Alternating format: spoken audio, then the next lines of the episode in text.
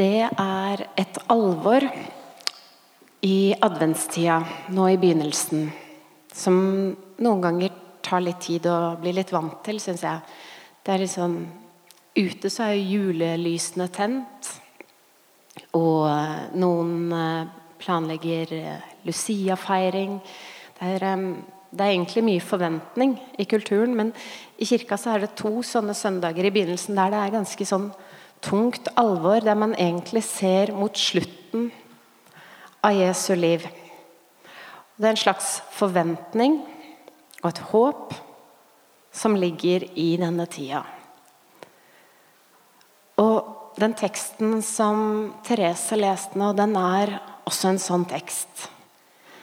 Men i tillegg så er den en av de tekstene i Bibelen som jeg alltid har stussa på. Den skiller seg ut. Det er noe med den. Det er noe med disse ordene i Johannes kapittel 14 som vi hørte nå, som jeg ikke helt har klart å sette fingeren på før. Eh, jeg har tenkt at det handler vel litt om helheten som denne teksten står i. Altså, det er stjernespekkede kapitler i Johannes kapittel 13, 14, 15, der Jesus deler ut det ene gullkornet etter det andre. Han sitter, ligger til bords med sine venner. Det er noe som står på spill. Det er på slutten av livet hans, og han tømmer på en måte sjela si for vennene sine, tenker jeg. Før han tas til fange, før alt skal slutte. Jeg hadde en gang en farfar. Det er lenge, lenge siden nå. Han hadde et langdrygt sykeleie før han døde. Han visste at det nærma seg slutten, og vi visste det. Og det var helt utrolig hvilke ting farfar sa fra sykesenga på slutten av livet. Han begynte å gi råd om kjærlighetslivet til barnebarna. Som 'ikke ta den første og den beste'. Og så sa han det selvfølgelig på sånn utrolig vakker sunnmørsk som gjør at det føles som det er Gud som snakker. Og så begynte han å snakke om sine egne kvaler og sorger i livet. Av farfar som kunne smelte metall i garasjen sin, fikse vaskemaskiner lett som bare det. Han som alltid takka farmor varmt for maten. Han som satt i godstolen og leste avisene med lupe samtidig som vi satt på fanget hans. Jeg kunne ikke skjønne at han hadde kvaler og sorger i livet. Jeg kunne ikke skjønne hvor disse nye ordene kom fra. Og jeg og alle vi andre barnebarna, vi lytta og vi noterte. For nå var det en mester i kunsten å leve et godt liv som plutselig begynte å snakke fritt. Jeg tror kanskje stemningen rundt Jesus når disse ordene trer fram, var litt sånn. Jesus åpner seg for vennene sine og kommer nærmere de, og de åpner seg på en måte for han. Og da senser vel han at nå er de urolige. Nå er de engstelige. La ikke hjertet bli grepet av angst. Tro på Gud og tro på meg. Men det er noe annet også med denne teksten, og det har blitt klarere for meg i det siste. For det som faktisk er litt underlig, syns jeg, er at Jesus oppfordrer jødene som sitter rundt ham, til å tro på Gud. Det er en veldig uvanlig oppfordring i Bibelen. I Bibelen så tas for det meste troen på Gud for gitt. Vi lever ikke i agnostikerne og ateismens tid i Bibelens tid. Det er teismens tid. Altså troen på Gud, det var selvsagt. Det var ikke noe du måtte forsvare at tempelet sto der, og at det hellige var der. Sånn var det.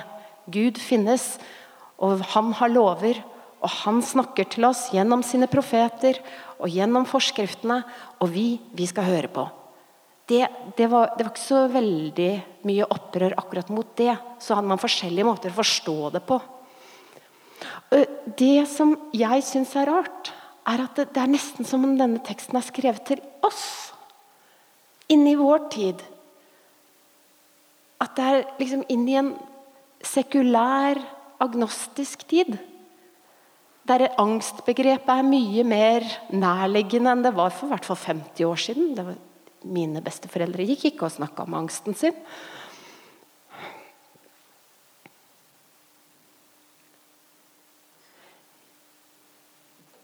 Det er spesielt at det er en sånn tekst i Bibelen som så sterkt oppfordrer oss til å tro.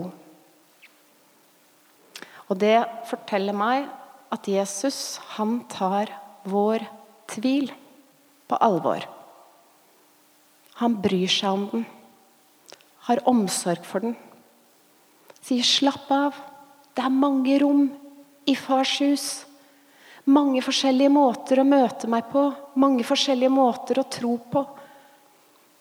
Mange forskjellige faser, mange forskjellige veier. Men det er et hus, og det er rom til alle. Jeg opplever at det denne teksten egentlig hjelper meg å komme til rette med, det er at noen ganger så kan troen bli begrensende. Og så er det tvilen som blir en mulighet. Altså, For min del så var det en gang slik at det, rammene og det jeg hadde mottatt av tro, ble liksom mer som sånn sementblokker som var stivna. Jeg oppfatta sannheten som noe sånn hardt og forsteina som jeg ikke visste hvordan jeg skulle forholde meg til. Jeg syntes det var fryktelig vanskelig at lederne i kirka mi krangla om hva som var sant, og hvordan det ene og det andre var. Og jeg var veldig ung, og jeg gikk til nonne og, og bare sa hvordan jeg hadde det. Og så så hun på meg, og så sa hun, 'Maria, sannheten er en person'.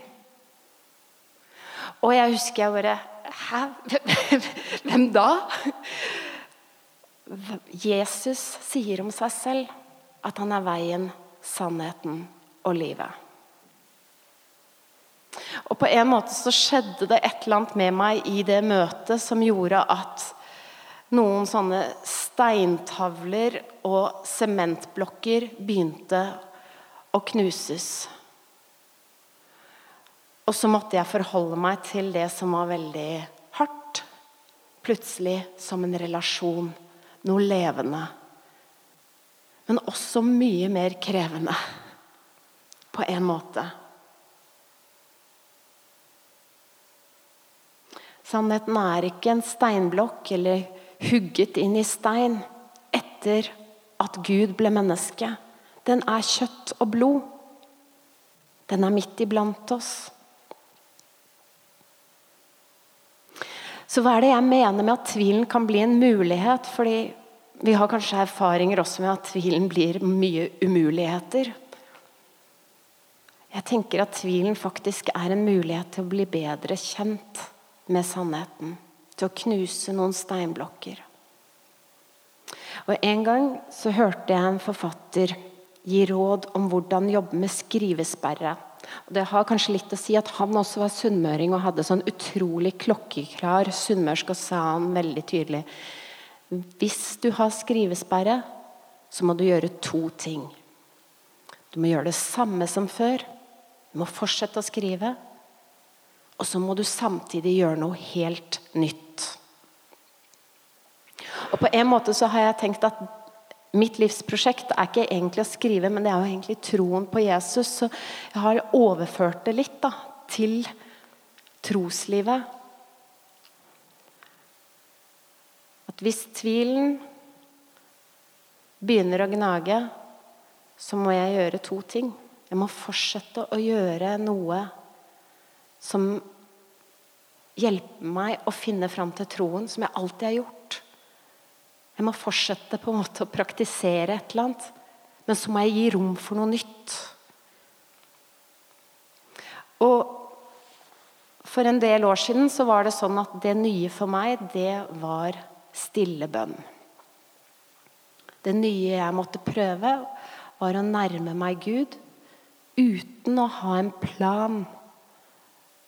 Uten å ha eh, en bibelleseliste.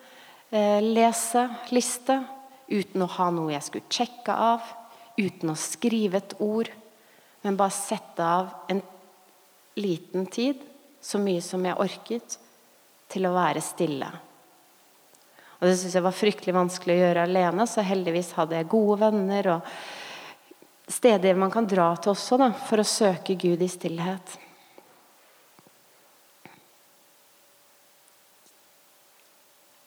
Og så måtte jeg gjøre det samme som jeg alltid hadde gjort. Og for min del var det å gå til nattvær. Og forsøke å gjøre det hver søndag. Og Det har egentlig blitt litt sånn veiledning for meg i møte med tvilen. Er at hvis jeg vil holde fast ved troen og se på tvilen som en mulighet, så, så må jeg fortsette å gjøre noe av det jeg vil gjøre som troende. Og på en måte forplikte meg til det. Og det er så viktig at det lille jeg bestemmer meg for, er overkommelig. At det ikke er et tungt prosjekt. Og så må det nye på en eller annen måte være lojalt mot det tvilen handler om. Det må utforske den, og det må gi rom for at sannheten er levende og vil møte meg på en ny måte.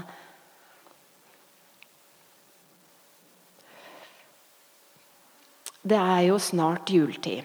Vi har én gudstjeneste igjen sammen her i Kraftverket før jul. Neste søndag. Og jeg har tenkt at Kanskje er det et slags kall eller invitasjon, er egentlig et bedre ord for det, til oss som er her, og som er voksne. Å forsøke å nærme seg jula med en barnlig forventning. For det er veldig mange år siden jeg la fra meg mine barnlige, magiske drømmer knytta til jula. Og Stort sett så blir jo da enten jula en sånn tradisjon som man opprettholder fordi man har stor glede av det. Kanskje koser du deg med forberedelsene. Eller kanskje er det bare noe du må gjennom. At kalenderen er pakka og to do-lista er superlang, men dette må gjøres. Eller kanskje finner du glede i å glede noen andre med å lage jul eller forberede deg til det. Kanskje er du med på noen andres tog og tenker OK, here we go again. Men alt dette driver verden og kirka med fordi det skal bygge opp en eller annen slags forventning om at noe helt utrolig vakkert kan skje. At Gud blir en av oss i et bitte lite menneske. Så jeg tror at kanskje den invitasjonen til å alliere oss selv med en barnlig forventning til julenatta, til at Gud kommer til jorda, er en utfordring for oss.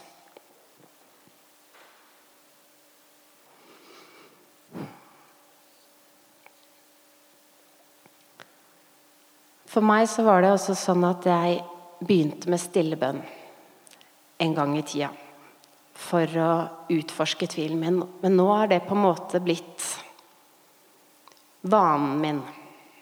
En vane som jeg må prøve å holde fast ved når tvilen melder seg. Som eh, det byr seg mange muligheter til. Hvis jeg skal gjøre noe nytt nå, så er det kanskje heller å gå på diktopplesninger og lese poesi. Men det jeg tenkte, var at vi nå skal forsøke noe nytt sammen i dette rommet. Og det har å være stille sammen. Og vie oss til stille bønn. Men den tida kan du bruke akkurat som du vil, for du er fri. Og troen skal ikke være noe tvangstrøye. Den skal ikke engang være et for trangt plagg. Så hvis stillheten er trykkende, så kan du bruke tiden til å bare si at dette er irriterende. Inni deg. Hvorfor tvinges jeg til det? Det skal jeg ikke bli med på i framtiden. Eller hvis du kjenner kallet til at nei, kanskje skal jeg bare se hva som skjer i stillheten. Eller kanskje er det min mulighet til å si noe som det bare ikke er tid til å få sagt ellers til Gud inni meg selv. I Salmenes bok, Salme 33, så bes det en bønn som jeg syns er utrolig vakker. Og som egentlig handler om den tida vi er inne i nå. Forventningens tid. Å vente på at Gud skal bli en av oss, at jula skal feires. Jeg skal be den høyt, lese den for dere, og så skal vi være stille sammen inntil Einar og bandet skal spille for oss. Vår sjel venter på Herren. Han er vår hjelp og vårt skjold. Vårt hjerte gleder seg i ham, vi setter vår lit til hans hellige navn.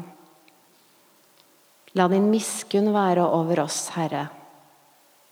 Det er deg vi venter på. La oss være stille for Gud.